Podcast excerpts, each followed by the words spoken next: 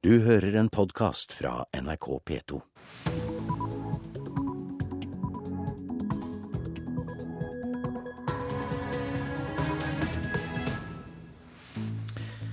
Øystein Heggen ønsker deg velkommen til Nyhetsmorgen tirsdag 21. august. Nå klokka halv sju har vi disse hovedsakene. Skatteregler hindrer bygging av studentboliger. Næringslokaler er mer lønnsomme å bygge. Det er meget skeive rammebetingelser eh, i dag. Og det syns jeg eh, politikerne bør se nærmere på, om de ønsker at det private også skal investere kapital i boligutleie, og da spesielt studentboligutleie. Rune Pedersen i Frost næringseiendom. Anders Behring Breivik kan bli sendt tilbake til fengsel dersom han etter tvunget psykisk helsevern ikke lenger blir vurdert som psykotisk. Fagforbundet krever opptil 50 000 kroner mer i lønn for pleiere i private sykehjem organisert i NHO. Og vi skal høre at dyrevelferd kan lønne seg. Frukttrær og verpehøner er samboere i Skjeberg.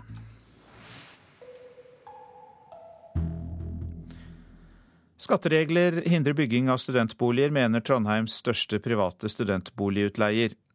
Man kan nemlig ikke skrive av slitasje på skatten på utleieleiligheter, slik man kan med kontor og hoteller. Og det gjør det mye mer lønnsomt å bygge kontorlokaler. Det er rart når politikerne lover flere studenthybler, syns Rune Pedersen.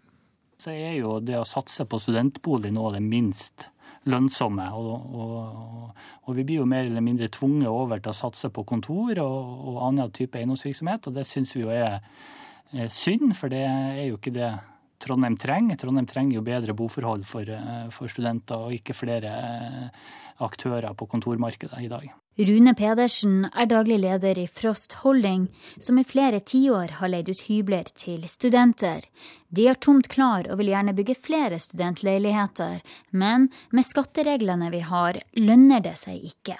Hovedpoenget mitt er jo at det er meget skeive rammebetingelser eh, i dag eh, mellom det å drive boligutleie og det å drive kontorvirksomhet, eh, hotellvirksomhet. og og Det syns jeg eh, politikerne bør se nærmere på, om de ønsker at det private også skal, skal investere kapital i boligutleie, og da spesielt studentboligutleie, som er et prekært behov i de store byene. De som driver hotell, vandrehjem eller kontorutleie, kan skrive av slitasje og verditap på skatten. Derfor kommer neppe Frost til å bygge flere studentboliger. Madeleine Sandvik Krogh er en av mange studenter på boligjakt. Hun er ny i Trondheim, skal starte et nytt studium, og er på desperat boligjakt. Det er veldig vanskelig, for det virker egentlig som om alt mulig er tatt. Det er egentlig ganske skummelt, fordi jeg kjenner ikke byen, og jeg kjenner egentlig ingenting. Og det å være helt ny, det er, det er alltid skummelt. Det er ikke akkurat drømmesituasjonen å stå uten et sted å bo. Grunnen til at det ikke er samme skatteregler for utleie av studentboliger og hotellrom, er at det er mer slitasje og verditap på korttidsutleie, sier Roger Skjerva, statssekretær i Finansdepartementet. Og Når det gjelder avskrivningsreglene, så vurderer vi løpende om de er satt riktig i forhold til oppdatert informasjon om verdifall. Og Jeg vil ikke avvise at uh, boligutleie i en næring kan bli vurdert annerledes. Men, men, da ikke som et virkemiddel for å få flere studentboliger, for uh, studentboliger har vi jo de virkemidlene som trengs for å få bygd ut. Skjerva sier også at utbygginga av studentboliger er fordoblet siden de rød-grønne tok over. Men det er likevel fortsatt stor mangel, og slik vil det fortsatt bli, tror Rune Pedersen i Frost. Nei, Utfordringa er i dag at, at, de prosjektene eh, med studentboliger kommer ikke i gang fordi at vi taper penger i, i, i de neste 15 årene. Altså, vi, vi, lever jo av kontantstrømmen når vi driver med utleie. Vi lever ikke av verdistigninga. Så eh, vi må da ha en såpass stor kontantstrøm at vi kan betale lån og avdrag og drift og vedlikehold. Og studentboliger som i dag eh, genererer ikke god nok kontantstrøm til at det er liv laga. Og reportasjen var laget av Linda Reinholsen. Tormod, uh, Tormod Bollvik, du er med oss fra studio i Drammen. God morgen. God morgen. Du er leder i Norsk Eiendomsmeglerforbund, og eh, vi har jo omtalt i NRK i det siste ulike statlige ordninger som er blitt kritisert fordi de demper nybygging av småboliger og studentboliger. Eh, hvordan ser du at dette regelverket rammer studenter? Vi er jo generelt bekymret for manglende boligbygging, egentlig i dag på alle områder. Ikke bare studentene, men vi ser at studentene er en gruppe som rammes spesielt hardt av boligmangelen. Ehm, vi eh, mener det er behov for en helhetlig boligpolitikk. Eh, det er klart at offentlig regulering av boligbygging er nødvendig. Og eh, det er nødvendig med forskrifter og krav til boligbyggerne, men vi må også vite at alle offentlige reguleringer som har kommet, de har vært prisdrivende. Og Da må politikerne være smarte for å skape lettelser i det trykket som har oppstått i markedet. Og Da er det noen grupper som bør ha et spesielt fokus, og studentene er en av de det bør tilrettelegges eh, ekstra for. Hva er det som gjør at eh, det da blir dyrere eller kostnadsdrivende, som du sier? Hvilke typer regler er det som bidrar til det? Nå har man jo vært igjennom diskusjonene rundt universell utforming og energipolitikk. Eh, det er jo gjort noen nettelser allerede eh, i forhold til, eh, i forhold til universell utforming. Det er tomtemangel mange steder, som gjør at det, bare kostnaden for å komme i gang blir for høy. Så det er åpenbart at alle krav som stilles, de er med på å presse prisene. Hva er de høyeste prisene på studentboliger som du har registrert, eh, da gjerne på rundt 25 kvm i, i byene nå? Eh, nå har jo ikke jeg detaljert kunnskap om hvem det er som har kjøpt i de ulike transaksjonene. Men, men hvis vi antar da at 25 kvm eh, tradisjonelt sett er en studentbolig, så har vi sett omsetninger på over 2 millioner kroner. Eh, og vi har sett at leienivået har etablert seg på, på, på rundt 8000. Vi eh, har jo også sett eksempler på i nyhetsoppslag da, at studenter i hovedstaden uh, i veldig stor grad foretrekker å bo sentralt. Uh, kan man også tenke tanken at de har blitt for kravstore? At de uh, vil bo veldig nær studiestedet og ikke vil pendle? Jeg vil, jeg vil nok si ja. Et betinget ja til det. Det er skyhøye forventninger hos dagens ungdommer. Og jeg tror neppe det er rasjonelt i verdens rikeste land at unge studenter skal bo på de beste adressene i de største byene. Men samtidig så er det jo et eh, studentliv også utenom studiene, med nærhet til caffè eh, latte, rødvin og andre studenter. Som, eh, dette har utviklet seg gjennom veldig mange år. og Man kan jo kanskje si det var dumt å legge studiestedene midt i de største byene også. Ja, det er jo et poeng, men det er litt vanskelig å flytte på dem nå.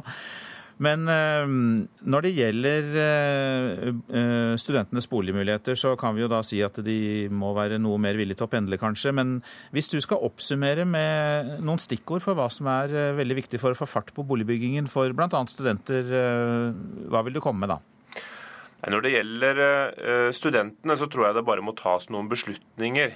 Å bygge studentboliger, det mener jeg er en oppgave som det offentlige kan løse veldig mye av. En ikke-kommersiell studentboligutbygging.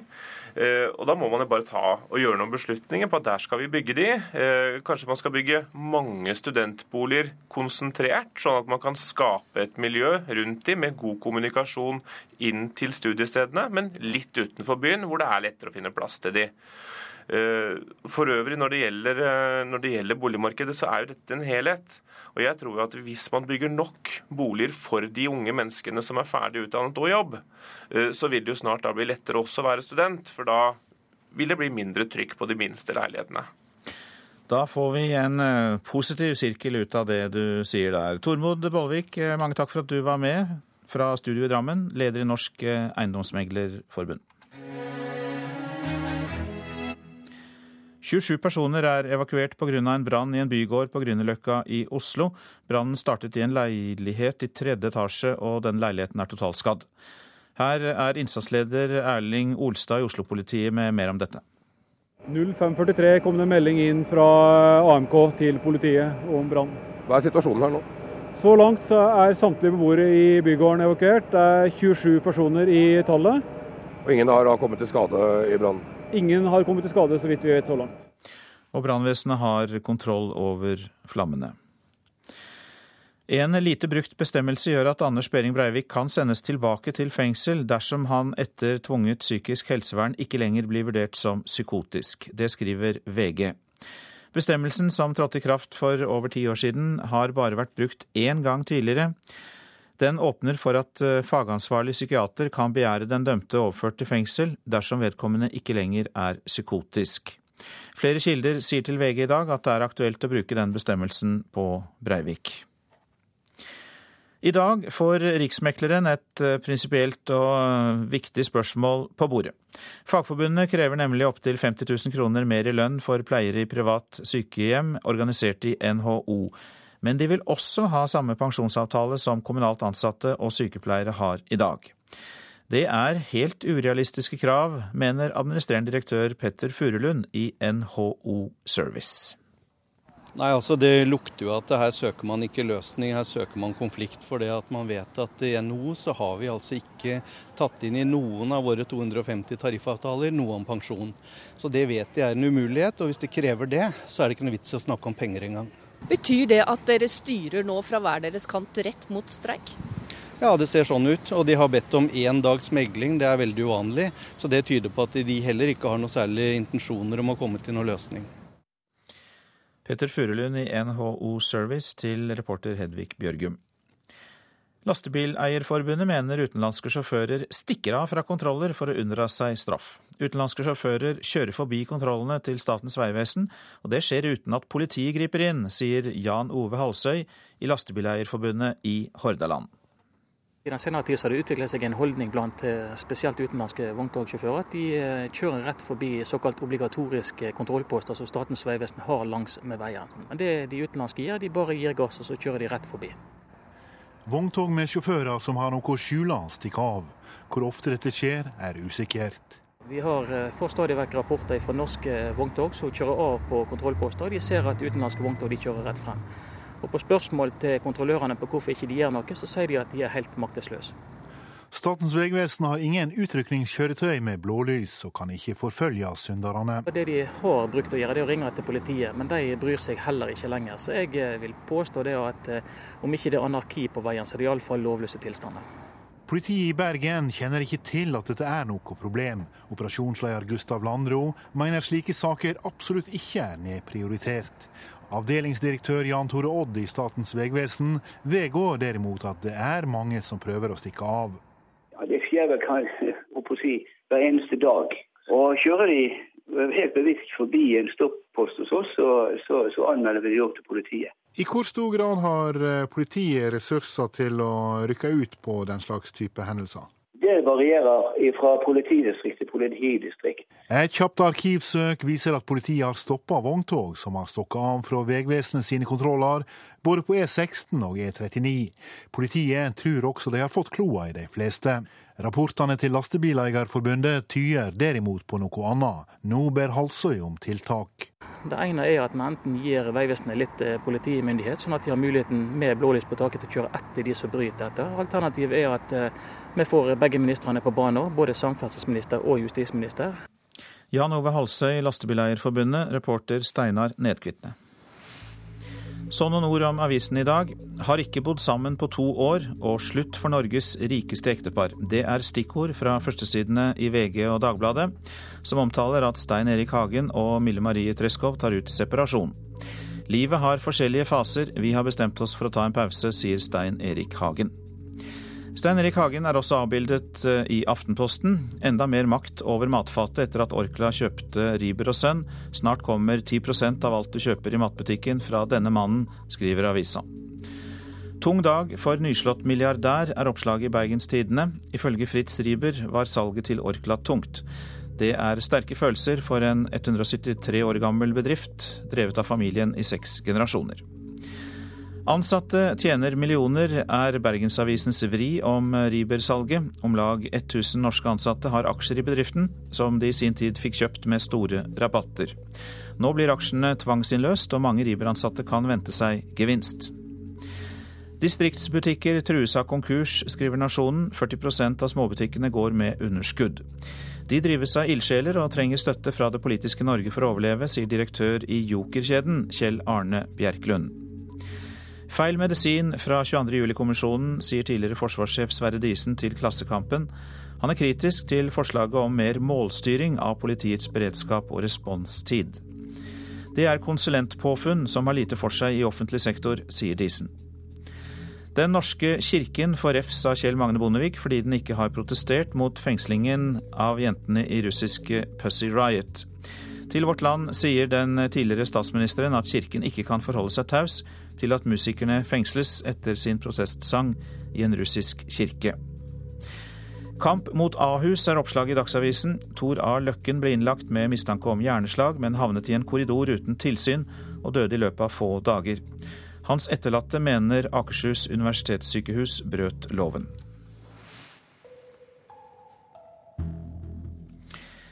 Det er en spesiell dag i dag. Det er eh, Arbeiderpartiets 125-årsdag. I hvert fall feires den, og det blir mer om det i Politisk kvarter eh, om en, ja, nøyaktig en time. Sigrid Sollien. Partisekretær Raymond Johansen kommer da i studio. Han må bl.a. svare på om Arbeiderpartiet fortsatt kan regnes som et trygt og styringsdyktig parti å stemme på etter den ramme kritikken fra 22.07-kommisjonen. I tillegg til det spør vi hva som skjer med stortingsnominasjonene i Kristelig Folkeparti, når nå nestleder Dagrun Eriksen kanskje blir vraket, mens Inger-Lise Hansen kanskje er på vei inn igjen. Og analysen kan man ha glede av å høre i Politisk kvarter, som eh, altså er om en time i P2 og eh, Alltid nyheter. Vi kunne ikke planlagt oss bort fra de mange skadene på norske friidrettsprofiler denne sommeren. Det sier sportssjef i Norges friidrettsforbund, Ronny Nilsen. Han mener at rutinene er gode, og at det ikke går an å unngå alle slags skader.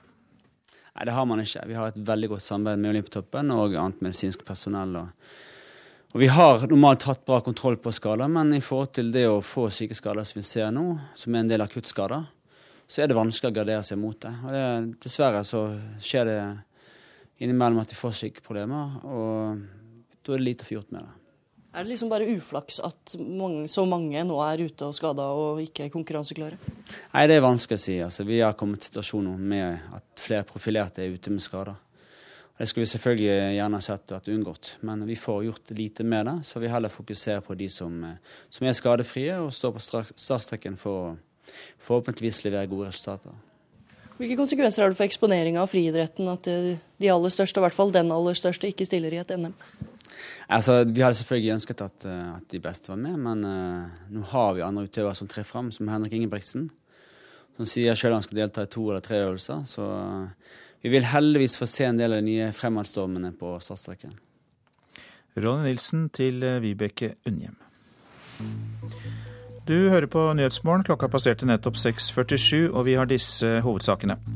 Dagens skatteregler hindrer at det blir bygget flere studentboliger, ifølge den største private utleieren av studentboliger i Trondheim. En lite brukt bestemmelse gjør at Anders Behring Breivik kan sendes tilbake til fengsel dersom han etter tvunget psykisk helsevern ikke lenger blir vurdert som psykotisk. Fagforbundet krever opptil 50 000 kroner mer i lønn for pleiere i privat sykehjem organisert i NHO.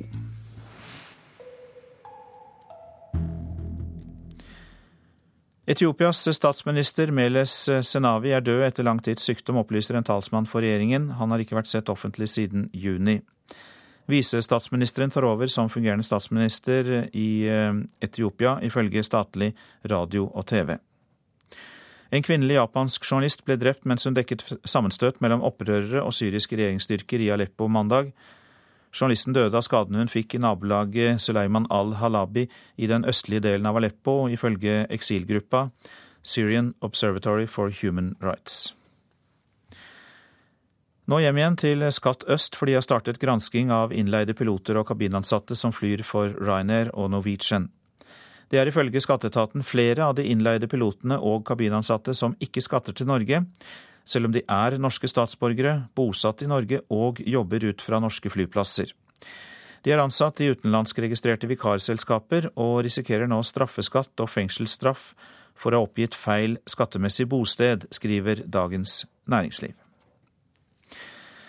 Så dyrevelferd, for det kan være lønnsomt. På gården til økobonden Erik Sørli i Skjeberg er det plantet frukttrær i hønsegården. Det gjør hønsene trygge, og bonden får fruktavling i tillegg til eh, egg. Så dette blir bra, sier Sørli.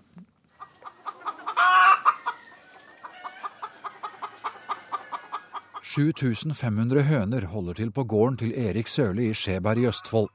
Og siden han driver økologisk, har de krav på å få være utendørs.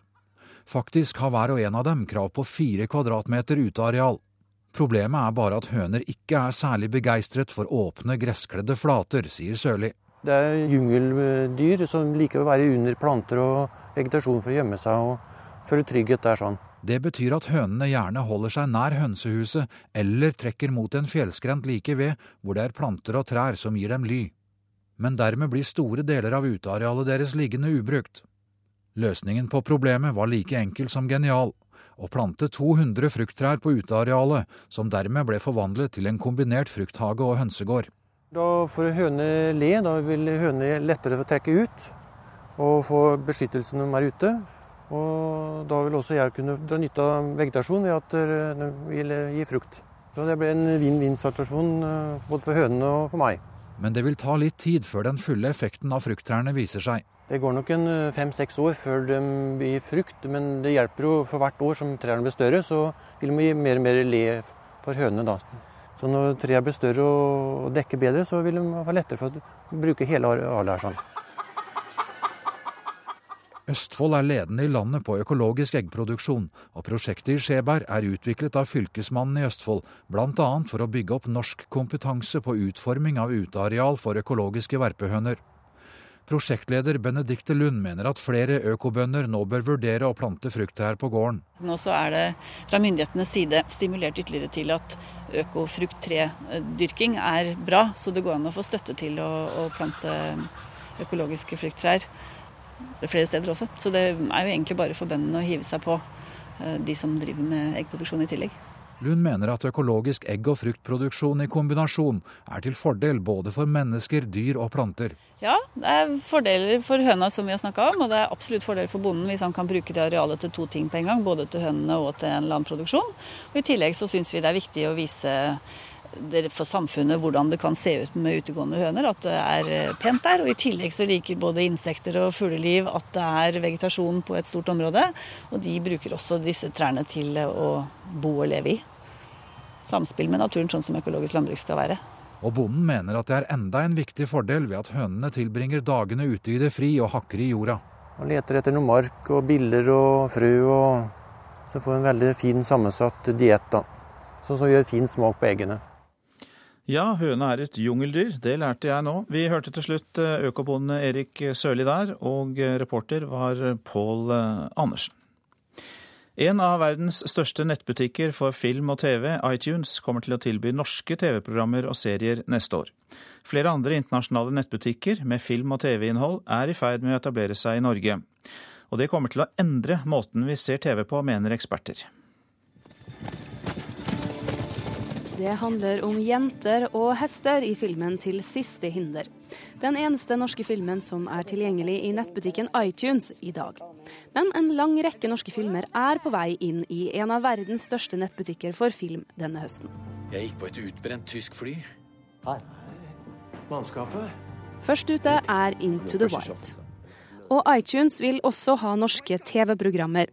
Innen neste år åpner de TV-butikk med både norske og utenlandske programmer, sier iTunes-agent i Norden, Tine Klint. Forhåpentlig så, øh, så vil vi se en masse øh, norske, lokale norske film, men også eh, internasjonale film med norske subtitles. TV-serier. iTunes TV burde komme innenfor et år. Netflix now delivers unlimited TV episodes and movies instantly through We. Forrige uke annonserte HBO og Netflix, som også selger film og TV på internett, at de vil etablere seg i Norge.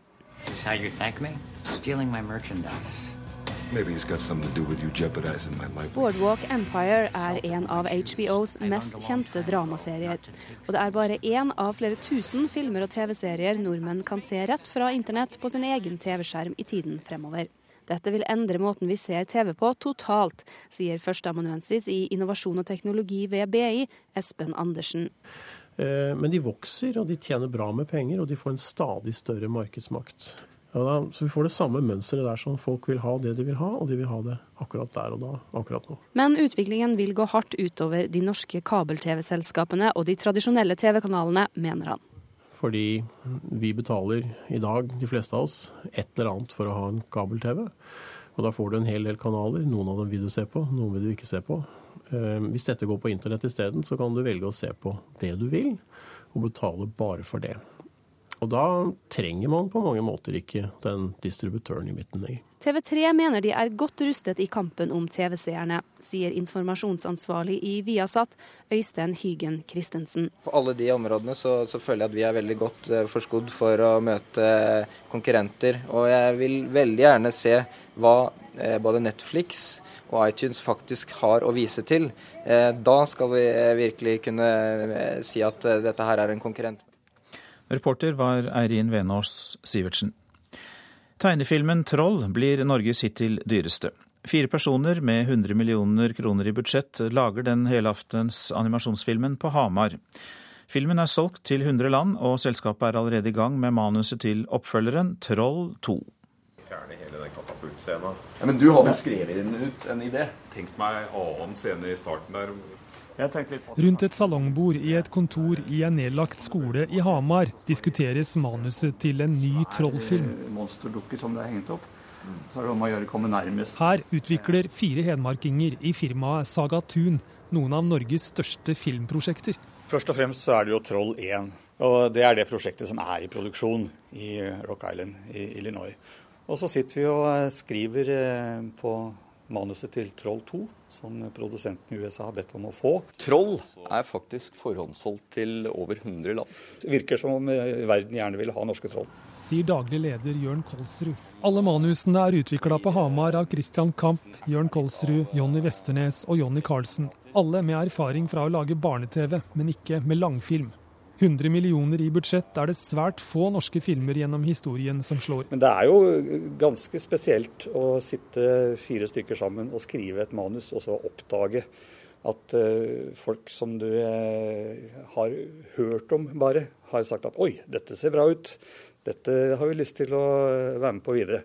Så eh, vi er eh, egentlig litt eh, småstolte og litt lykkelige over at vi har kommet så langt. Det lille firmaet har ikke fått støtte fra Norsk Filminstitutt. 11 av de 100 millionene kommer fra lokale sponsorer i Hamar-regionen, resten fra utenlandske investorer.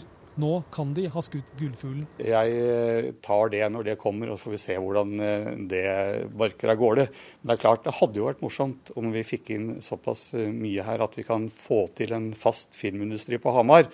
Og vi har jo noen løse planer om hvordan dette her kan kunne komme til å se ut i våre villeste drømmer når det gjelder investeringer på, eh, på filmindustri i Hamar-området. Først skal korregissør Christian Kamp til USA for å gjøre ferdig den første Troll-filmen, sammen med vel 100 dataanimatører. Vi er i full produksjon, så eh, filmen er ferdigprodusert senhøsten 2013.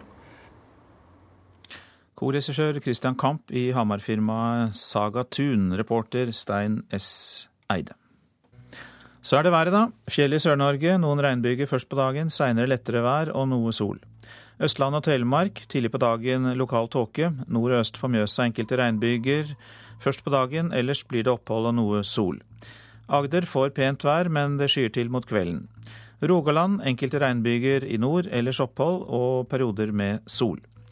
Hordaland og Sogn og Fjordane ser vi samlet. Enkelte regnbyger der. Fra i formiddag oppholdsvær, i kveld økende byggeaktivitet i ytre deler av disse fylkene. Møre og Romsdal enkelte regnbyger, i kveld etter hvert opphold. Trøndelag får regnbyger i dag, i kveld minkende byggeaktivitet. Helgeland, Saltfjellet, Salten og Ofoten skyet vær, perioder med regnbyger. Lofoten og Vesterålen enkelte regnbyger, fra i ettermiddag opphold. Troms enkelte regnbyger, men eh, mest i sørlige og indre deler. Kyststrøkene i Finnmark får spredte regnbyger. Fjordstrøkene i Finnmark og Finnmarksvidda får oppholdsvær, fra i ettermiddag enkelte regnbyger lengst i sør. Nordensjøland på Spitsbergen, nordvestlig liten kuling utsatte steder. Minkende til nordlig frisk bris og oppholdsvær. Så tar vi for oss temperaturene målt klokka fem i natt. Svalbard lufthavn to, Kirkenes seks. Vardø 8, Alta og Tromsø har også 8 grader. Bodø 13, Brønnøysund og Trondheim 15. Molde 14, Bergen-Flesland 14, Stavanger 13. Så var det Kristiansand-Kjevik og Gardermoen, begge 15 grader. Lillehammer 14 grader. Røros 11 grader. Oslo-Blindern 16 grader. Dette var altså temperaturene som var målt klokka fem. Og eh, du lytter altså til eh, Nyhetsmorgen. Klokka er eh, straks sju. Og kontroversielle oljefondinvesteringer i Eritrea er et hovedtema når vi har passert sju.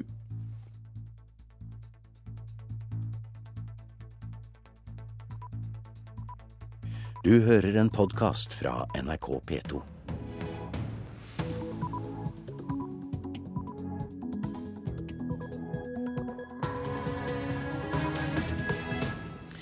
Ja, dette er tirsdag 21. august. Klokka er sju, og du lytter til Nyhetsmorgen med Øystein Heggen i studio, og her er en nyhetsoppdatering. Norske oljemillioner finansierer et av verdens mest undertrykte regimer. Jeg mener at oljefondet bør eh, trekke ut sine investeringer i Nevsund, siden de opererer i Eritrea, som er da et av verdens mest menneskerettighetsundertrykkende regimer. Nevsund er altså et canadisk firma vi skal høre mer om. Vi hørte her professor og Eritrea-ekspert Kjetil Tronvoll. Ikke lønnsomt å bygge studentboliger, sier Trondheims største private studentboligutleier.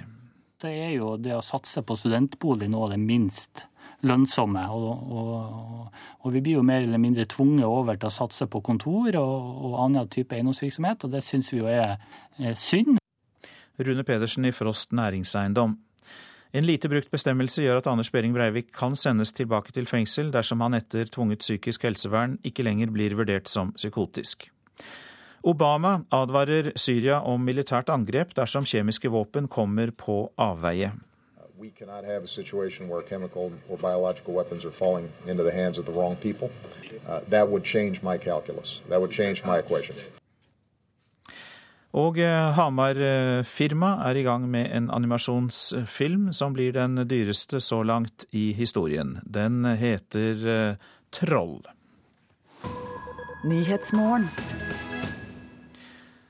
Trekk norske oljemillioner ut av Eritrea, sier professor og Eritrea-ekspert Kjetil Tronvoll. Oljefondet har investert 74 millioner kroner i det canadiske selskapet Nevsund. Deres hovedvirksomhet er å drive gullgruven Bisha i Eritrea. Jeg mener at oljefondet bør eh, trekke ut sine investeringer i Nevsund, siden de opererer i Eritrea, som er da et av verdens mest menneskerettighetsundertrykkende regimer vi har. Det finnes ikke noe sivilt samfunn i Eritrea. Den ene etter den andre hjelpeorganisasjonen har blitt kasta ut, og Norge er et av de få landene som har ambassade der. De økende inntektene fra gruvedrifta er derfor svært viktige for militærregimet. Det at eh, gruvedriften er oppe og går og gir staten en inntekt kanskje på ca. en milliard kroner i året av royalties og skatteinntekter, det er enormt viktig for eh, militærmaskineriet og den totalitære staten til å vedlikeholde seg selv. Eh, dette handler om å gjøre jobben eh, som Etikkrådet skal gjøre. Eh, og Det er f.eks. å se på gruveselskapene i porteføljen. Det er en høyrisikosektor. Vi vet at mange gruveselskaper både har dårlige arbeidsforhold, men også at de opererer i tvilsomme land. Det sier Arild Hermstad i Fremtiden i våre hender. Ved et enkelt Google-søk fant de ut at det canadiske selskapet Nevsøns hovedvirksomhet er gullgruva i Eritrea. FN er bekymra over den profitable gruvedrifta. Um,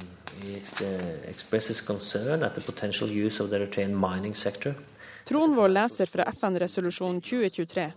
I desember skrev FN at de er bekymra for at inntekter fra nettopp gruvesektoren er med på å destabilisere hele Afrikas horn. Eh, og det fordømmer Eritrea på å undergrave både regional stabilitet eh, og å finansiere da opprørsbevegelser i nabolandene. Fremtiden i våre hender mener gruvesektoren i seg sjøl er så problematisk at oljefondet må kvalitetssikre gruveselskaper før de i det hele tatt investerer. Å finne ut at gruvebransjen er en internasjonal eh, versting er ikke spesielt vanskelig. og Det betyr at alle gruveselskapene i fondet de skal i utgangspunktet kvalifiseres for å få lov å bli investert i. Det er vårt krav. Vi mener at gruver er kanskje den aller, aller mest eh, problematiske sektoren som vi eh, tjener penger på i oljefondet. Vi mener ikke at man kan si at enhver gruvedrift f.eks. er grovt uetisk. Det sier statssekretær i Finansdepartementet Hilde Singsås. Det er Finansdepartementet som er øverste sjef over Statens pensjonsfond utland, eller oljefondet. Vi går i utgangspunktet inn med en liten eierandel i alle, nesten alle børsnoterte selskaper verden over. Hva, hva, kommer dere til å gjøre med denne saken nå? Kommer dere til å se nærmere på det selskapet? Dersom vi får en tilrådning fra Etikkrådet om å trekke oss ut av det selskapet, så vil vi selvfølgelig behandle den saken på vanlig måte.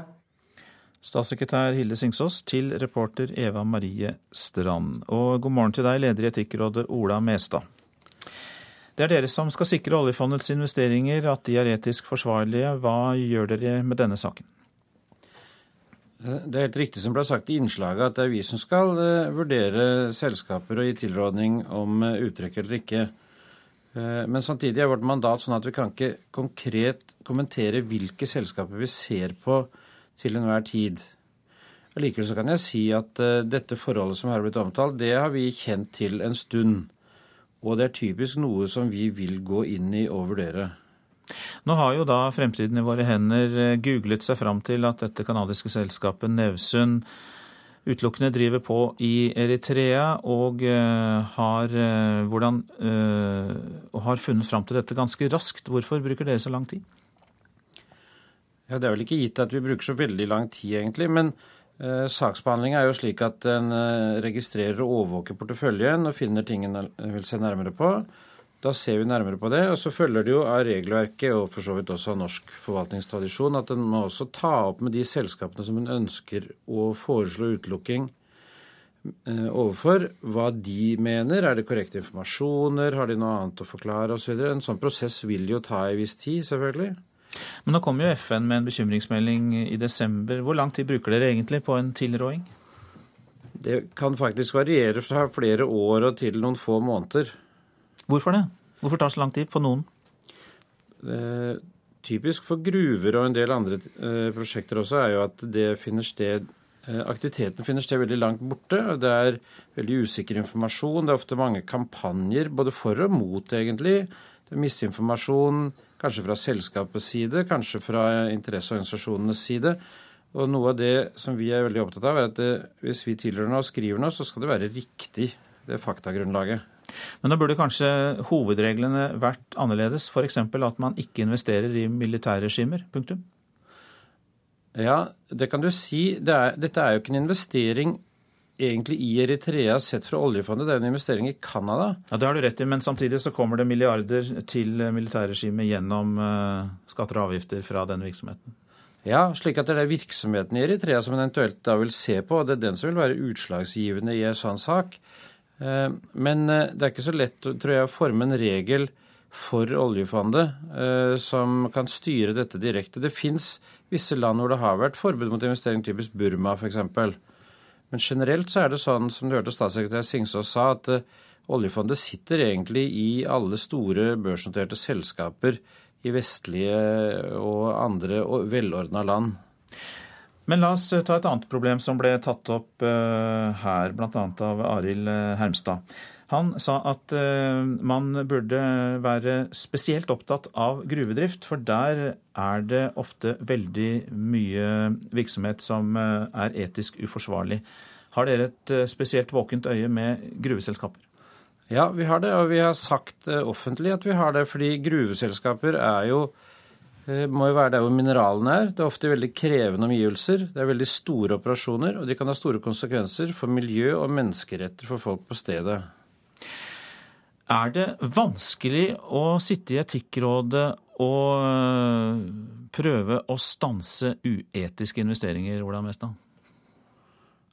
Det er i hvert fall krevende å sikre den informasjonen du får. For hvis du nettopp, som det ble sagt, googler bare på internett og skal finne opplysninger, så finner du alt mulig, sant og usant, likt og ulikt. Men det er en interessant og viktig oppgave, egentlig, som vi føler at vi er satt til. Takk skal du ha for at du kom til Nyhetsmorgen eh, i denne omgang, leder av Etikkrådet, Ola Mestad. I dag starter meklingen i en viktig prinsippsak i lønnsoppgjøret. Hvis ikke Fagforbundet blir enig med arbeidsgiver NHO Service om økt pensjon og lønn for pleiere i private sykehjem, blir det streik i morgen.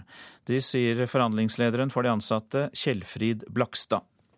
Vi vil i første rekke ha en pensjon som gjør at det er likhet både på arbeidsplassen på de private sykehjemmene og mellom bransjene, altså offentlige og private. Det er det viktigste av det viktige. Selvfølgelig skal det òg være lik lønn. for den som jobber på private og den som jobber i det offentlige. Det er samme bransje, og vi skal ha lik lønn. Det er en liten, men prinsipielt viktig konflikt Riksmekleren får på bordet i dag. Fagforbundet krever opptil 50 000 kroner mer i lønn for pleiere i private sykehjem organisert i NHO. Men det er ikke det dyreste kravet. Fagforbundet krever også pensjonsavtale for pleiepersonell, lik den kommunalt ansatte og sykepleiere har i dag. Den er mye bedre. En sykepleier får full uttelling for det man jobber ekstra. En hjelpepleier vil kun få uttelling for det man jobber fast. Og Der er det forskjell i tariffavtalene.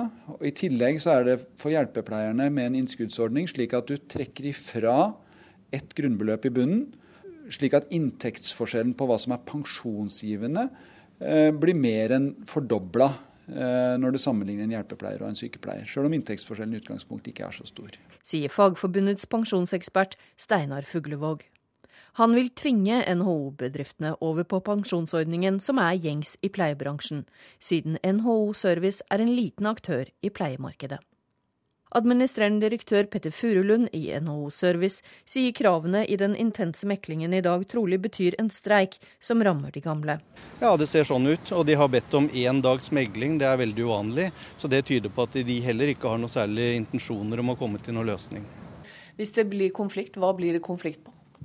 Da er det i hovedsak pensjon. Og så er jo selvfølgelig lønn og, og, tillegg òg en viktig del. Vi vil ha det samme som vi har innenfor det offentlige. vi. Samme utgangspunkt. Og vi vet at innenfor NO Service, så ut ifra tilbudet vi har fått så langt, så kan det være lønnsforskjeller fra 30 til 50 000. Sier Kjellfrid Blakstad i Fagforbundet.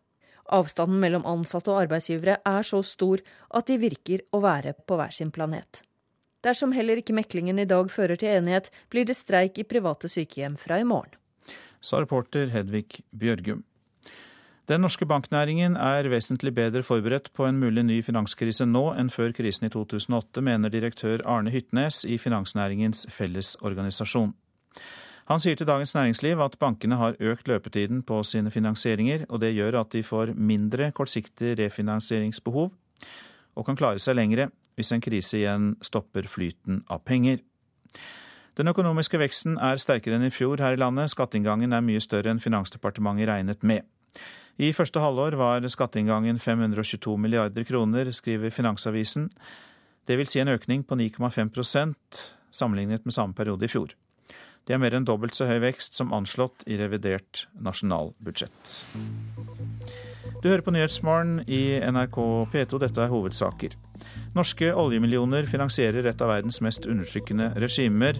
Oljefondet har investert 74 millioner kroner i gullgruve i Eritrea. Fagforbundet krever opptil 50 000 kroner mer i lønn for pleiere i private sykehjem. Kan bli streik i morgen. Og vi skal høre at USAs president advarer Syria om mulig militært angrep dersom kjemiske våpen kommer på avveie. For Barack Obama frykter at lagrene med kjemiske og biologiske våpen i Syria ikke er trygge i det borgerkrigsherjede landet. We cannot have a situation where chemical or biological weapons are falling into the hands of the wrong people. Det er den klareste advarselen hittil. President Barack Obama sier at det går en grense ved Syrias arsenal av kjemiske våpen. Militære planer er klare, og det endrer min vurdering dersom regimet flytter rundt på våpnene eller bruker dem mot egen befolkning, sier presidenten. We have put together a range of contingency plans. Uh, we have communicated in no uncertain terms with every player in the region that that's a red line for us. Obama frykter våpnene kan komme på avveie. Det angår ikke bare Syria, men USA og USAs allierte, stabiliteten i regionen, sa Obama under en pressekonferanse i Det hvite hus i går kveld. USA mener Syria har store lagre med stridsgasser, som sennepsgass, sarin og cyanid. FN har klassifisert nervegassene som masseødeleggelsesvåpen. Amerikanske tjenestemenn sa i juli at de hadde ubekreftede meldinger om at regimet var i ferd med å flytte noen av de kjemiske våpnene. Det er uklart om regimet ville plassere dem i tryggere lagre eller forberede bruk. USA har ikke bevis, sier Obama, men situasjonen overvåkes nøye. And that there would be enormous consequences if we start seeing movement on the chemical weapons front uh, or the use of chemical weapons. That would, uh, that would change my calculations. Alle aktører i regionen, Syrias regime og opposisjonen har fått klar beskjed, sier presidenten. Konsekvensene blir enorme hvis store mengder kjemiske våpen er i bevegelse. Syrias president har tidligere sagt at de dødelige gassene bare blir brukt dersom noen angriper landet utenfra. Um, that uh, uh, al-Assad has lost legitimacy, that he needs to step down. Obama gjentar også at Syrias president må gå av. So far, uh, he hasn't gotten the message and instead has doubled down in violence on his own people. USA er også i samtaler med opposisjonen, bekrefter Obama. De får noe assistanse og råd om hvordan en politisk overgang skjer, og hvilke prinsipper som er viktig å styre etter, sier presidenten på dagen FN-observatørenes mandat er over. USA har også gitt nærmere 500 millioner kroner så langt, ifølge Obama, til å hjelpe flyktningene og sørge for at strømmen av mennesker på flukt ikke destabiliserer nabolandene. Anders Tvegård, Washington. Nå skal vi høre om en øygruppe som både Kina og Japan gjør eh, krav på. Det var eh, japanske markeringer på, rundt denne øygruppen eh, i helgen, og det førte til anti-japanske protestaksjoner i flere kinesiske byer. Japanske butikker og restauranter ble rasert. Japanskproduserte biler ble smadret. For å oppklare litt av dette for oss, sier vi velkommen til deg, Henning Christoffersen, seniorrådgiver i Det Norske Veritas.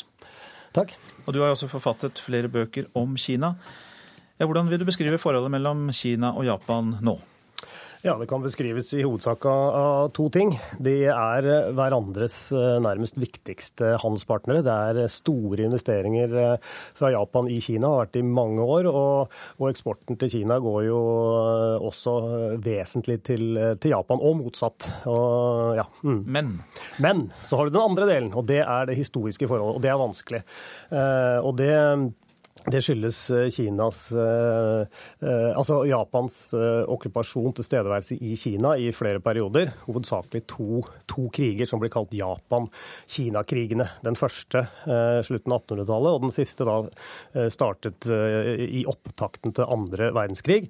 Hvor du da har denne berømte Nanjing-massakren som ligger som, sånn, som selve symbolet på den, den konflikten. Og, og, Japan hadde jo da ambisjoner om å, om å å, styre Kina. Eh, og, ja, så, så det, det, er liksom de to tingene, det historiske eh, og det sterke handelsmessige bilaterale forholdene.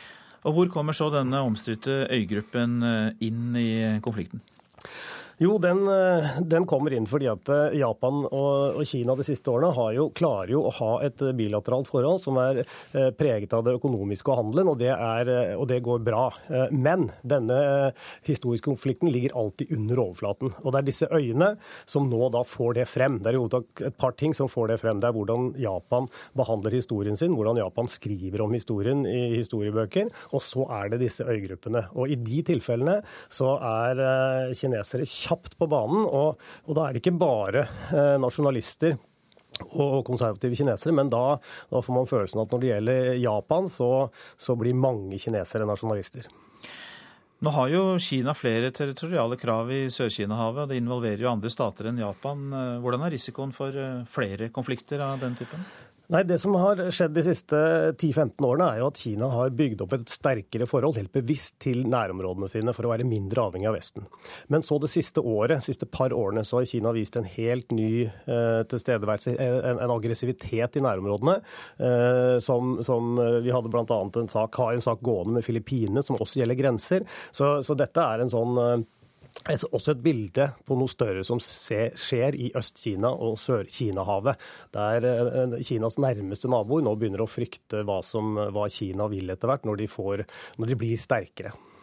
Nå er jo kinesiske myndigheter flinke til å holde sine innbyggere på plass, men det gjorde de ikke i helgen eh, da det var demonstrasjoner. Eh, hvorfor var de tilbakeholdne? Nei, Det er, har også vist seg disse, når disse konfliktene med Japan kommer opp, at da eh, har kinesiske myndigheter sett seg tjent med en viss grad av uh, protester fra, fra, befolkningen. For da også å, uh, å, vise i Kina, men også utover Kina, at dette er ikke bare myndigheten, dette dette er Kina, dette er kinesere som, som, står bak Kinas krav her. Så, men, men, man skal jo passe seg litt, for den nasjonalistiske kraften i Kina den er sterk. Men her har man også sett det som betimelig å ha en viss grad av protester. Ja, så her er de tillatt seg å åpne, på, åpne for krana. Men eh, ja, hvor langt tror du de lar det gå? Jeg tror, eh, jeg tror ikke de lar det gå veldig, eh, veldig langt. Det som det som er saken er jo at eh, Kina må også uh, passe seg for sitt uh, internasjonale rykte også, på måten de, hvor aggressive de kan være i, i nærområdene sine. Så, så, jeg tror ikke de lar det gå veldig langt, men nok til at man får markert at det er folket og ikke kun myndighetene som står bak dette her. Du innledet med å si at de er hverandres viktigste handelspartnere, så hvordan tror du det ender? Tror du det ender i en slags dialog? Jeg tror de gjør det, for det, det må det. Det er altfor mye som står på stil spill til at du kan få eskalert en, en sånn eh, konflikt mellom Japan og Kina. Det, det, dreier seg også om Taiwan, og det dreier seg også om USA.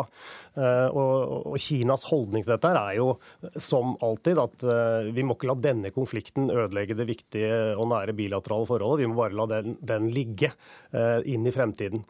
Men så er det jo det, da, fra japansk og fra Kinas naboers ståsted, så, så, vet jo alle hva som skjer, skjer, i fremtiden. Det er et sterkere Kina.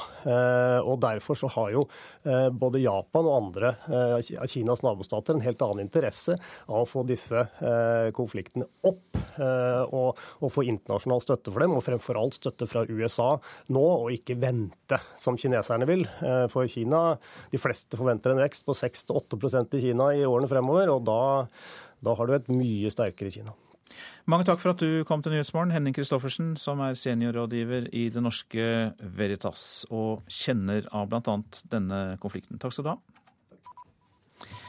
Ecuadors utenriksminister sier han er klar til å snakke med britiske myndigheter om hva som skal skje med Wikileaks-gründeren Julian Assange. Assange er anklaget for voldtekt i Sverige og skulle utleveres da han søkte asyl i Ecuadors ambassade i London. President Barack Obama sier det må gjøres mer for å unngå at medlemmer av de afghanske sikkerhetsstyrkene angriper utenlandske soldater. Bare i løpet av de siste to ukene er ti utenlandske soldater, de fleste av dem amerikanere, blitt drept av afghanere de regnet som allierte. Siden årsskiftet er 40 soldater drept i denne typen angrep. Taliban-geriljaen hevder den har infiltrert de afghanske sikkerhetsstyrkene, og at det er deres folk som står bak. Den nye nasjonalforsamlingen i det krigsherjede Somalia ble tatt i ed eh, mandag. Valget av ny president ble imidlertid utsatt. Nasjonalforsamlingens første oppgave er å velge en president for Somalia som kan ta over roret etter eh, den vestligstøttede overgangsregjeringen.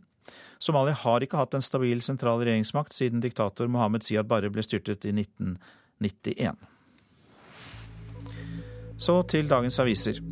Har ikke bodd sammen på to år og slutt for Norges rikeste ektepar. Det er stikkord for førstesiden i VG og Dagbladet, som omtaler at Stein Erik Hagen og Mille Marie Treskov tar ut separasjon. Livet har forskjellige faser, har vi har bestemt oss for å ta en pause, sier Stein Erik Hagen. Stein Erik Hagen er også avbildet i Aftenposten. Enda mer makt over matfatet etter at Orkla kjøpte Riber og Sønn. Snart kommer 10 av alt du kjøper i matbutikken fra denne mannen, skriver avisa.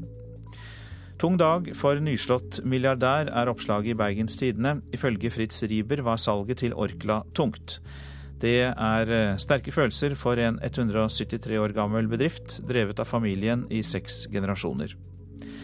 Ansatte tjener millioner, det skriver Bergensavisen om Riber-salget. Om lag 1000 norske ansatte har aksjer i bedriften, som de i sin tid fikk kjøpt med store rabatter. Nå blir aksjene tvangsinnløst, og mange Riber-ansatte kan vente seg gevinst. Distriktsbutikker trues av konkurs, skriver Nasjonen. 40% av småbutikkene går med underskudd. De drives av ildsjeler og trenger støtte fra det politiske Norge for å overleve. Det sier direktør i Jokerkjeden Kjell Arne Bjerklund. Feil medisin fra 22. juli-kommisjonen, sier tidligere forsvarssjef Sverre Disen til Klassekampen. Han er kritisk til forslaget om mer målstyring av politiets beredskap og responstid. Konsulentpåfunn som har lite for seg i offentlig sektor, sier Disen. Den norske kirken får refs av Kjell Magne Bondevik fordi den ikke har protestert mot fengslingen av jentene i det russiske Pussy Riot. Til Vårt Land sier den tidligere statsministeren at kirken ikke kan forholde seg taus til at musikerne fengsles etter sin protestsang i en russisk kirke. Kamp mot Ahus er oppslaget i Dagsavisen. Tor A. Løkken ble innlagt med mistanke om hjerneslag, men havnet i en korridor uten tilsyn og døde i løpet av få dager. Hans etterlatte mener at Akershus universitetssykehus brøt loven. Norwegian-piloter etterforskes for skattesnusk, er oppslaget i Dagens Næringsliv. Skattekrim åpner sak fordi innleid personell i Norwegian og Ryanair ikke skatter til Norge, selv om de bor her og jobber herfra.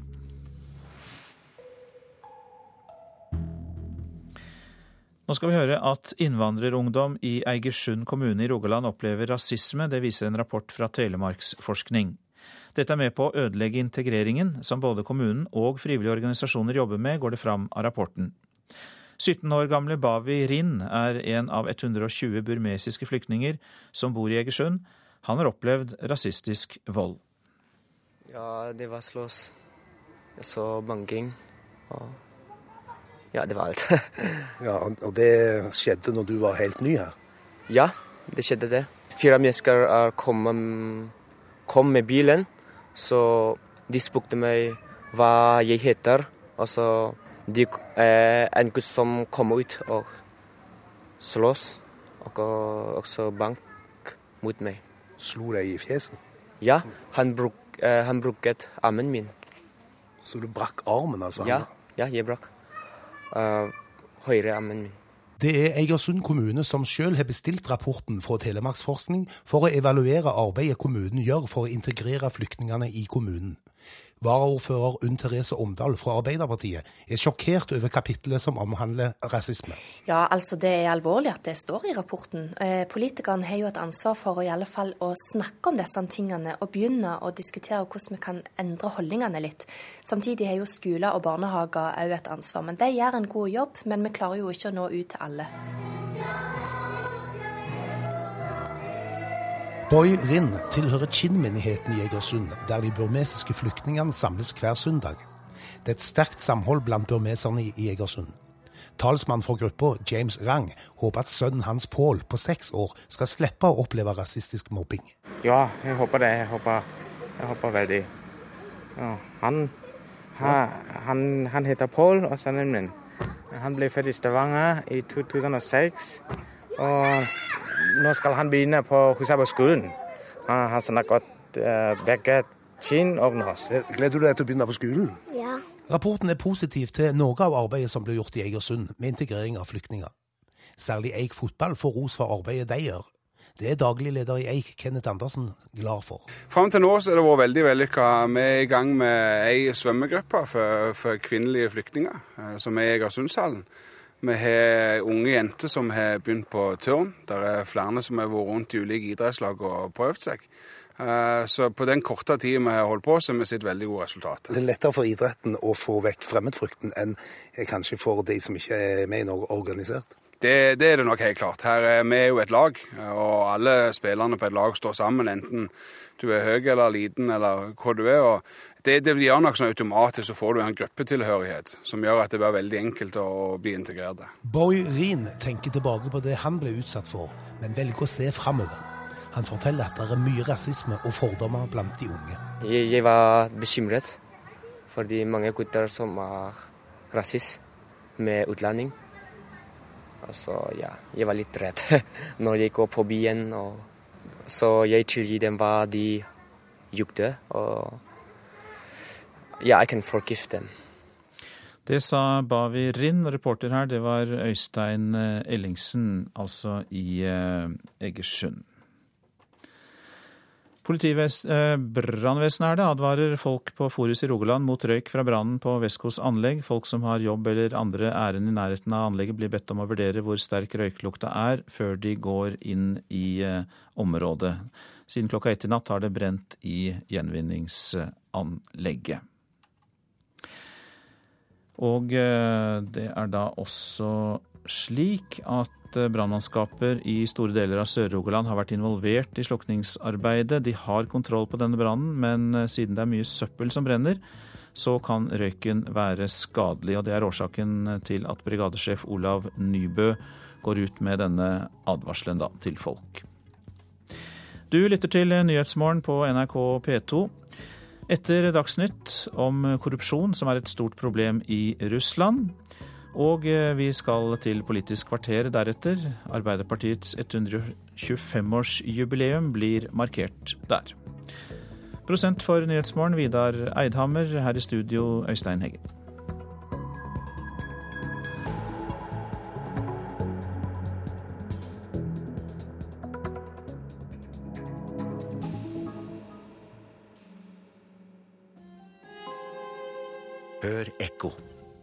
Arbeiderpartiet. Revolusjonært. Fredselskende. Maktarrogant. Samlende. Selvtilfreds. Ap fyller 125 år, midt i en tøff tid. Men kriser har partiet hatt mange av. Hvordan har partiet taklet kriser gjennom historien? Ekko 9 11 i NRK P2. Oljefondet tjener penger på undertrykking i Eritrea, sier ekspert.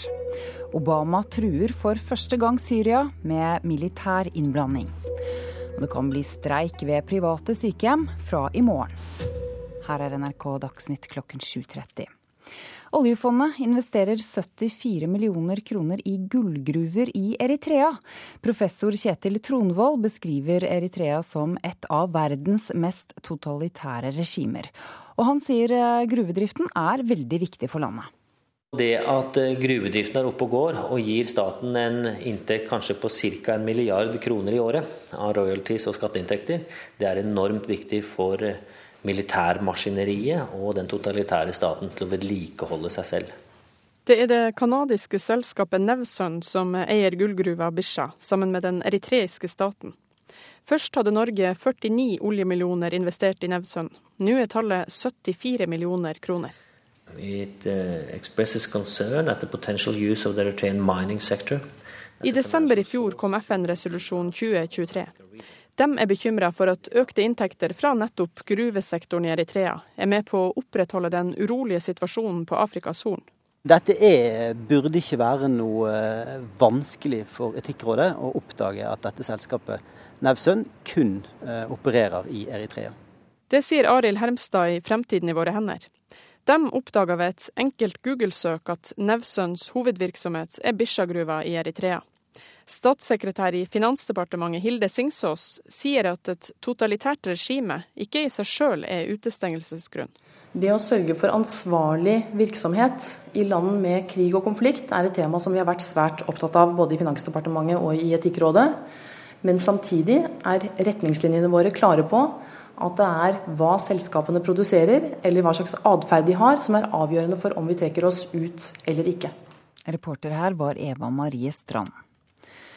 USAs president truer altså for første gang Syria med makt dersom kjemiske våpen kommer på avveie. Obama frykter at lagrene med kjemiske og biologiske våpen ikke er trygge i det borgerkrigsherjede landet. Uh, we cannot have a situation where chemical or biological weapons are falling into the hands of the. Det er den klareste advarselen hittil. Uh, President Barack Obama sier at det går en grense ved Syrias arsenal av kjemiske våpen. Militære planer er klare, og det endrer min vurdering dersom regimet flytter rundt på våpnene eller bruker dem mot egen befolkning, sier presidenten. We have put together a range of contingency plans. Uh, we have communicated in no uncertain terms with every player in the region that Obama frykter våpnene kan komme på avveie. Det angår ikke bare Syria, men USA og USAs allierte. Stabiliteten i regionen, sa Obama under en pressekonferanse i Det hvite hus i går kveld.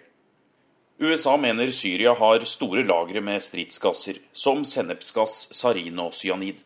FN har klassifisert nervegassene som masseødeleggelsesvåpen. Amerikanske tjenestemenn sa i juli at de hadde ubekreftede meldinger om at regimet var i ferd med å flytte noen av de kjemiske våpnene.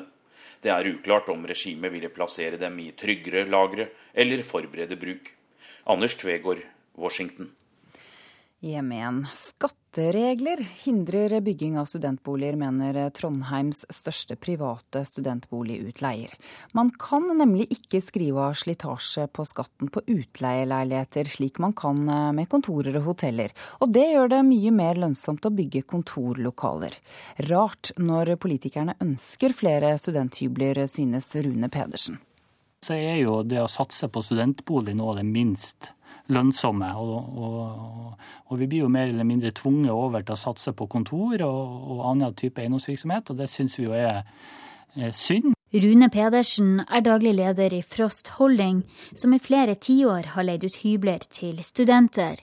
De har tomt klar og vil gjerne bygge flere studentleiligheter, men med skattereglene vi har, lønner det seg ikke. Det er meget skeive rammebetingelser eh, i dag eh, mellom det å drive boligutleie og det å drive kontorvirksomhet, eh, hotellvirksomhet. Og, og det syns jeg politikerne bør se nærmere på, om de ønsker at det private også skal, skal investere kapital i boligutleie, og da spesielt studentboligutleie, som er et prekært behov i de store byene. Madeleine Sandvik Krogh er en av mange studenter på boligjakt. Hun er ny i Trondheim, skal starte et nytt studium, og er på desperat boligjakt. Det er veldig vanskelig, for det virker egentlig som om alt mulig er tatt. Det er egentlig ganske skummelt, fordi jeg kjenner ikke byen. Grunnen til at det ikke er samme skatteregler for utleie av studentboliger og hotellrom, er at det er mer slitasje og verditap på korttidsutleie, sier Roger Skjerva, statssekretær i Finansdepartementet. Og jeg vil ikke avvise at uh, boligutleie i en næring kan bli vurdert annerledes. Men, men, da ikke som et virkemiddel for å få flere studentboliger, for uh, studentboliger har vi jo de virkemidlene som trengs for å få bygd ut. Reporter Linda Reinholsen. I dag starter meklingen i en eh, viktig prinsippsak i lønnsoppgjøret, dersom ikke Fagforbundet blir enig med arbeidsgiver NHO Service om økt pensjon og lønn for pleiere i private sykehjem, blir det streik i morgen, sier forhandlingsleder for de ansatte Kjellfrid Blakstad. Vi vil i første rekke ha en pensjon som gjør at det er likhet både på arbeidsplassen på de private sykehjemmene og mellom bransjene, altså offentlige og private. Det er det viktigste av det viktige. Selvfølgelig skal det òg være lik lønn for den som jobber på private og den som jobber i det offentlige. Det er samme bransje, og vi skal ha lik lønn. Det er en liten, men prinsipielt viktig konflikt Riksmekleren får på bordet i dag. Fagforbundet krever opptil 50 000 kroner mer i lønn for pleiere i private sykehjem organisert i NHO. Men det er ikke det dyreste kravet. Fagforbundet krever også pensjonsavtale for pleiepersonell, lik den kommunalt ansatte og sykepleiere har i dag. Den er mye bedre. Men det er helt urealistiske krav, sier administrerende direktør Petter Furulund i NHO Service. Nei, altså Det lukter jo at her søker man ikke løsning, her søker man konflikt. For det at man vet at i NHO så har vi altså ikke tatt inn i noen av våre 250 tariffavtaler noe om pensjon. Så det vet de er en umulighet, og hvis de krever det, så er det ikke noe vits i å snakke om penger engang. Administrerende direktør Petter Furulund i NHO Service sier kravene trolig betyr en streik som rammer de gamle. Ja, det ser sånn ut. Og de har bedt om én dags megling, det er veldig uvanlig. Så det tyder på at de heller ikke har noe særlig intensjoner om å komme til noen løsning. Reporter her var Hedvig Bjørgum. En av verdens største nettbutikker for musikk, film og TV, iTunes, kommer til å tilby norske TV-programmer og serier neste år. Flere andre internasjonale nettbutikker med film- og TV-innhold er også i ferd med å etablere seg her i landet, og det kommer til å forandre måten vi ser TV på, mener eksperter.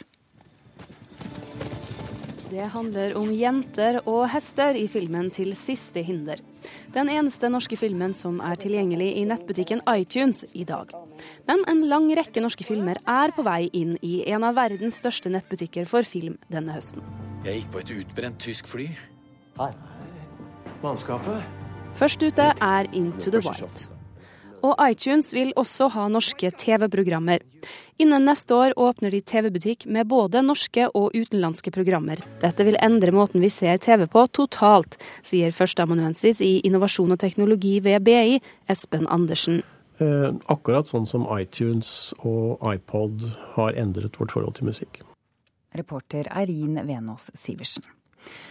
Alle snakket om nyinnkjøpte Robin van Persie og storklubben Manchester United foran åpningskampen i går kveld. Men i stedet var det hjemmelaget Everton med Fellaini i spissen som skåret kampens eneste mål. Van Persie fikk 25 minutter i serieåpningen. It wasn't much you boys were talking about Everton prior to this game. It was all about Manchester United, and you should all call that wrong because I think Everton are a tough team to beat at Goodison. Everton-trener David Moyes gir et lite spark til pressen etter at laget hans til tider rundspilte stjernegalleriet til Manchester United i går kveld. Marwan Fellaini er mannen alle snakker om etter at han ble matchvinner i det 57. minutt. You know, kick, so uh, you know, play and, and uh. Really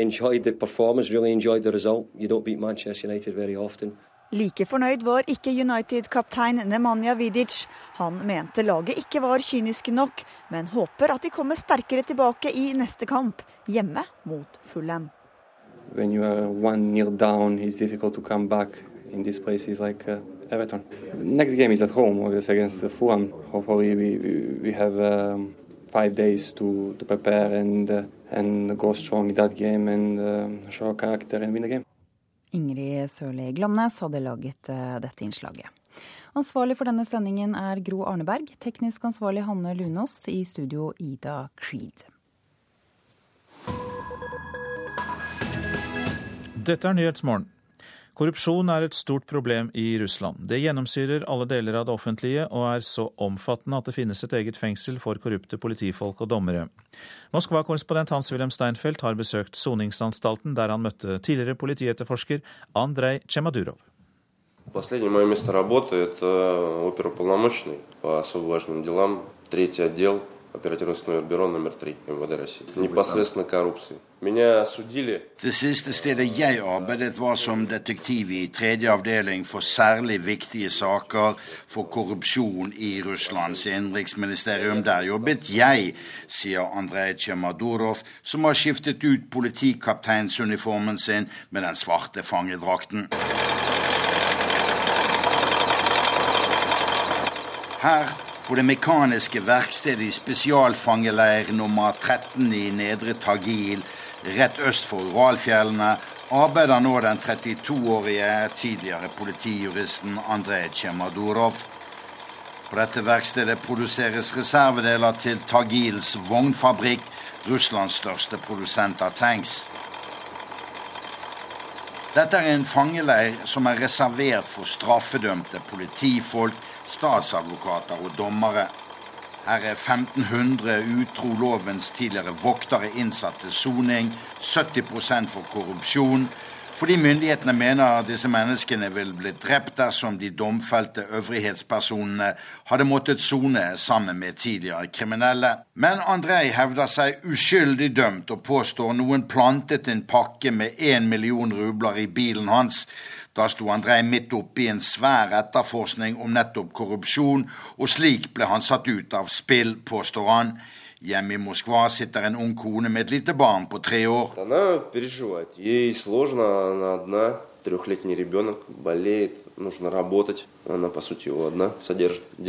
Hun sliter, hun er alene med en liten treåring som ofte er syk. Min kone må arbeide og springe hele tiden for å bringe og hente i barnehagen. Det er vanskelig, forteller Andrej Tsjemadurov. Familiesituasjonen ellers er også vanskelig, med lite hjelp å hente. Men den bebrillede juristen med så snille blå øyne bruker all sin tid i fangeleiren på å prøve å renvaske seg om politiets etterforskningsmetoder i Russland, sier han. Негативное впечатление однозначно. Особенно оно усилилось после того, как, в общем-то, когда меня уже привезли на допрос к следователю, вот эта вот тенденция и линия уже изначально моей виновности. Inntrykket var entydig negativt, og fra det øyeblikk jeg ble fremstilt for en etterforsker, så fokuserte han bare på at jeg måtte være skyldig forteller den tidligere detektiven fra Innenriksdepartementet, utdannet jurist i politiet og en mann som var betrodd arbeid i avdelingen for særlig viktige korrupsjonssaker i Innenriksministeriet. Men Andrej Tsjamadurov tror ikke særlig på sjansene til å bli renvasket, selv om hans sak ennå ikke er anket til Høyesterett, for i russiske domstoler er 98-99 av alle straffedommer fellende. Dette er rettsstatens store svakhet i Russland. Jeg собираюсь продолжить и добиваться того, чтобы меня оправдали и реабилитировали. Jeg forfølger min sak og har anket til andre rettsinstans, men har ikke kommet videre fra den ennå. Ærlig talt anser jeg sjansene for å oppnå renvaskelse som helt minimale så lenge jeg sitter her i fangeleiren. De fins i praksis ikke.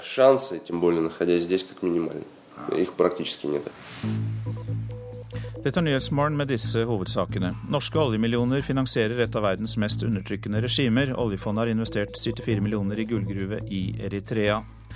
Trondheims største private studentboligutleier mener skatteregler står i veien for studentboligbygging. Anders Behring Breivik kan sendes tilbake til fengsel dersom han etter tvunget psykiatrisk eh, helsevern ikke lenger blir vurdert som psykotisk. Og så blir det kanskje 125 lys på kaka i Folkets hus i dag. Men eh, Arbeiderpartiets jubileumsmarkering begynner allerede her og nå i Politisk kvarter, Sigrid Solund. Feiringen skjer dog med et dystert bakteppe etter den nedslående kritikken fra 22.07-kommisjonen. Like fullt hyller Arbeiderpartiet seg selv i dag.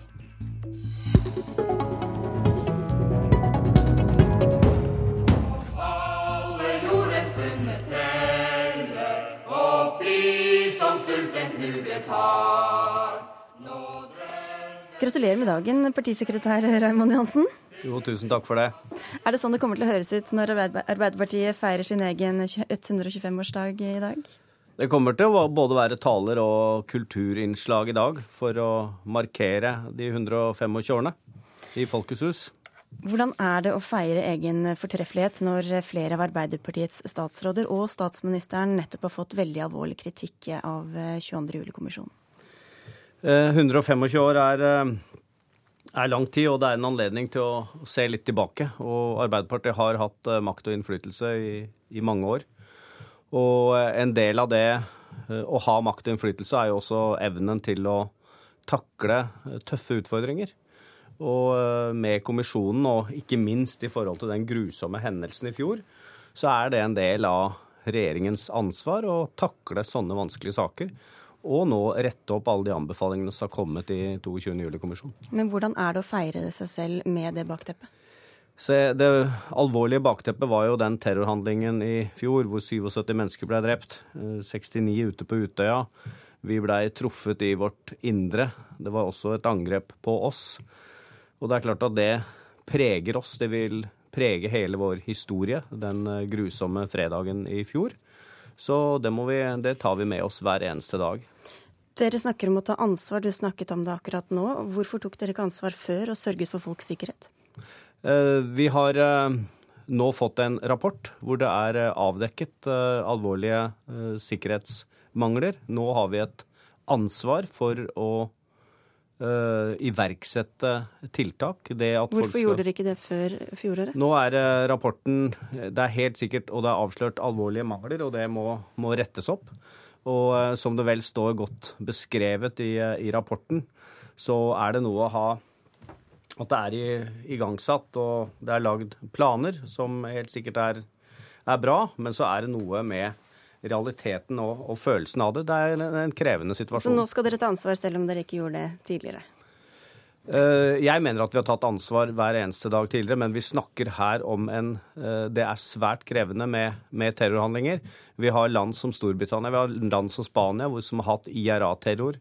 I Spania har man hatt ETA-terror i, man var ikke helt 100% i stand til å verne seg mot det når terroren rammet både Madrid og London.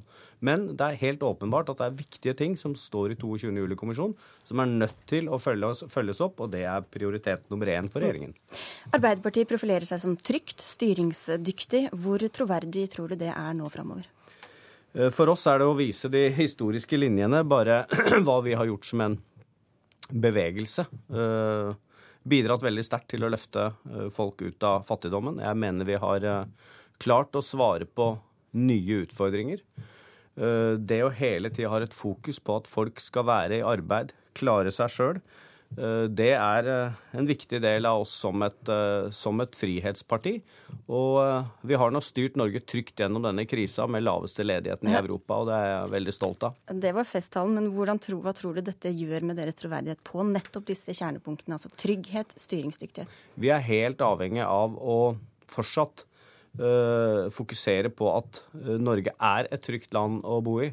det at vi har Europas laveste ledighet, at vi har orden i økonomien, eh, at vi er et samfunn fortsatt preget av at folk har tillit til hverandre, det skal vi eh, ta videre, og det er helt avgjørende. Og eh, vi er avhengig av hver eneste dag ved å gå ut og bevise at vi er gode nok, at vi er de beste til å styre, og det er opp til velgerne å avgjøre ved valg 9.9. Men kan dere fortsette å profilere dere som det trygge partiet, det styringsdyktige partiet, når dere ikke lot dette skje? Sel selvfølgelig uh, skal vi gjøre det. Vi har en trygg uh, styring i, i Norge. Uh, det at man nå har tillit til at vi skal følge opp de anbefalingene som kommer i kommisjonen, er en viktig del av det. Og det er meget, meget alvorlig det som har kommet fram, og det er alvorlig og viktig for oss å følge, følge det opp. Men samtidig så skal vi ikke snakke heller ned situasjonen i Norge.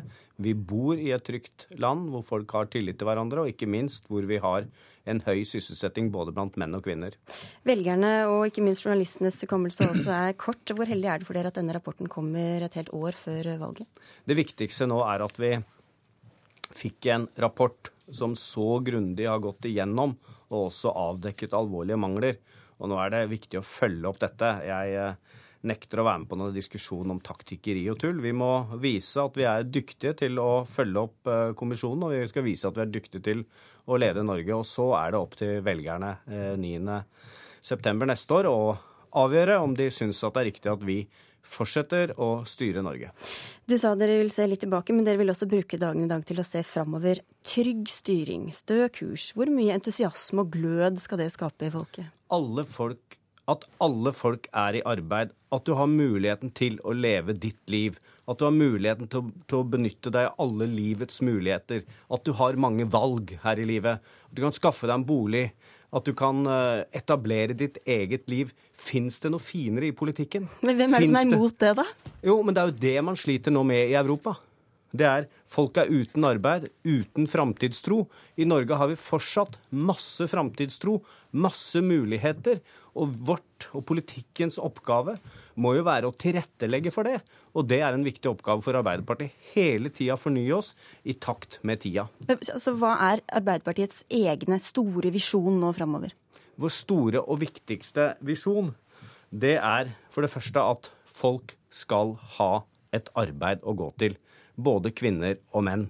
Og da må vi vise evne til å fornye oss innenfor mange nye områder. Til det så må du tilrettelegge med forskning, utdanning, som gjør at Norge skal være et attraktivt land i globaliseringens tidsalder. Det er en kjempeambisjon. Men hva i den ambisjonen kunne ikke like gjerne Høyre eller nesten hele politiske Norge skrevet under på? Vi, et, vi ser på at vi har et, en velferdsstat som er et spleiselag. For et spleiselag så betyr at du må ha folk i arbeid, at de må betale skatt, sånn at vi har gode helsetjenester og en god utdanning. Når høyresida, nå er ikke de her, når høyresida med Fremskrittspartiet og Høyre ønsker å kutte kraftig i skattene, så blir det mindre igjen til helse og velferd, og man får en politikk hvor man er sin egen lykkes med.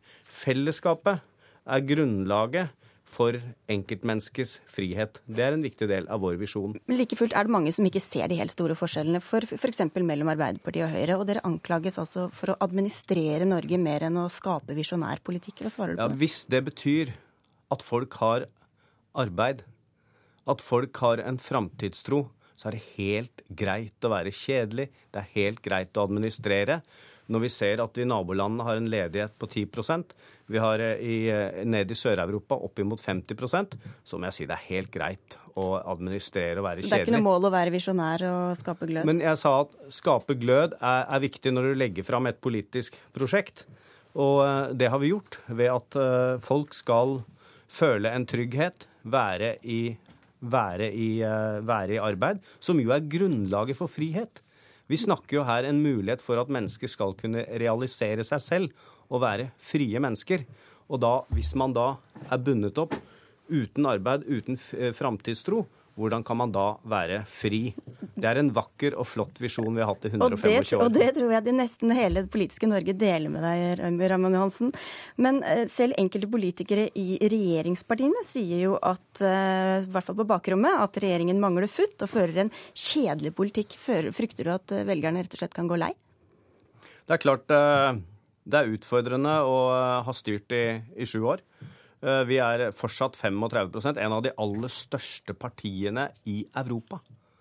Og det at man helt sikkert etter sju år kan Om man har vært gift i en del år, så kan man sikkert også bli litt lei.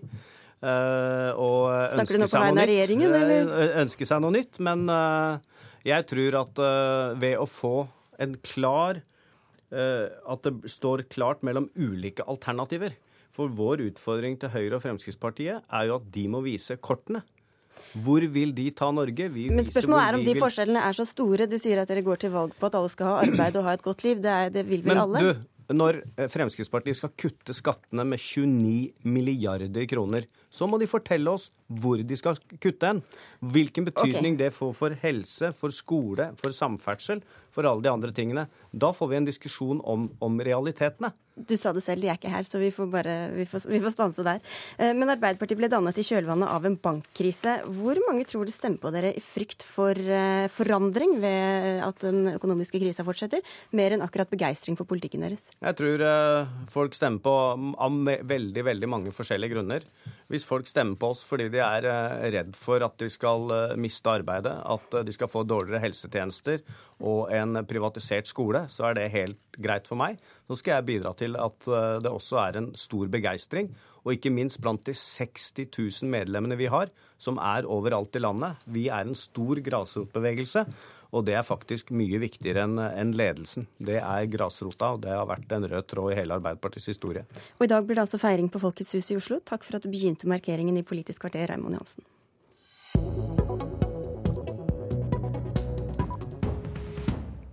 Så til stortingsnominasjonene i Kristelig Folkeparti. Jeg kjenner at jeg har, jeg har litt guts til å fighte. Jeg har lyst, jeg har lyst på dette og har lyst til å være med. Sånn svarer partiets nestleder og stortingsrepresentant Dagrun Eriksen på at lokallaget hennes og det lokale ungdomspartiet ikke vil ha henne som listetopp for KrF i Vest-Agder. Åshild Mathisen, kommentator i Vårt Land, hun sier altså hun vil ta opp kampen. Hvor gode sjanser tror du hun har? Dette blir eh, en veldig tøff kamp. Um, Misnøyen mot Dagrun Eriksen har ulma i mange år. Så faktisk er det et under at hun har sittet så lenge som hun har gjort. Eh, og når eh, ja, hennes eget lokallag eh, viser denne misnøyen, så er det et stort problem. Vest-Agder er et krevende fylke fordi det er konservativt. Og når hennes fylkesleder Hans Fredrik Grøvan sådde tvil om hennes syn på homoekteskap da hun la frem eh, KrFs, altså programkomiteens syn på samlivslov, så visste han godt hva han gjorde. Ja, For det er han som nå lanseres som motkandidat? Dette er jo den kandidaten som skal vitalisere Kristelig Folkeparti. Han er altså 58 år. Uh, og han visste at han da sådde tvil om hennes uh, syn i en viktig sak. Uh, og jeg ser at det på en måte kommer frem som om at Dagrun Eriksen er en veldig sånn liberal kvinne som har blitt kasta. Det stemmer ikke. Hun står i sentrum av KrF. Og de liberaliseringsprosesser hun har dratt, f.eks. rundt bekjennelsesplikta, det er godt forankra i partiet. Men hva er det da de er misfornøyd med? Nei, altså dette tror jeg er så enkelt som at hun har vært for lite til stede i sitt uh, eget fylke. Uh, og ja, det, det, handler om hennes kapasitet til å gjøre både nestlederjobben og stortingsjobben. Uh, samtidig så har dette vart lenge, og altså, partiet har visst om dette. Men hun har vært på et tidspunkt der det var, var Dag, altså Dagfinn Høybråten lyktes ikke på TV. Knut Arild Hareide lyktes ikke på TV. Da hadde man Dagrun Eriksen. Eh, så hun har vært veldig viktig for eh, ledelsen i partiet. Og jeg ser jo at altså jeg tror Knut Arild Hareide han river seg i håret nå. og Han signaliserer så sterkt han kan at hun har gjort en kjempejobb. Så dette er synd for partiet, og det er helt klart at det blir en, eh, et imageproblem for KrF. For det ser ut som man vraker en ung kvinne til fordel for en godt voksen mann, noe det ser ut som man er på vei til å gjøre selv om dette handler om kapasitet og ikke kjønn. Og da er vi inne på også at eh, Inger-Lise Hansen nevnes som en aktuell listetopp, apropos unge kvinner som eh, vrakes, mm. i Akershus etter at hun ble vraket som nestleder i fjor. Hvem er det som jobber for å få henne tilbake i manesjen?